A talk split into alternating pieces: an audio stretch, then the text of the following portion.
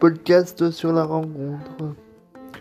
Au cœur de notre existence, dont l'étymologie latine ex-sister signifie sortir de soi.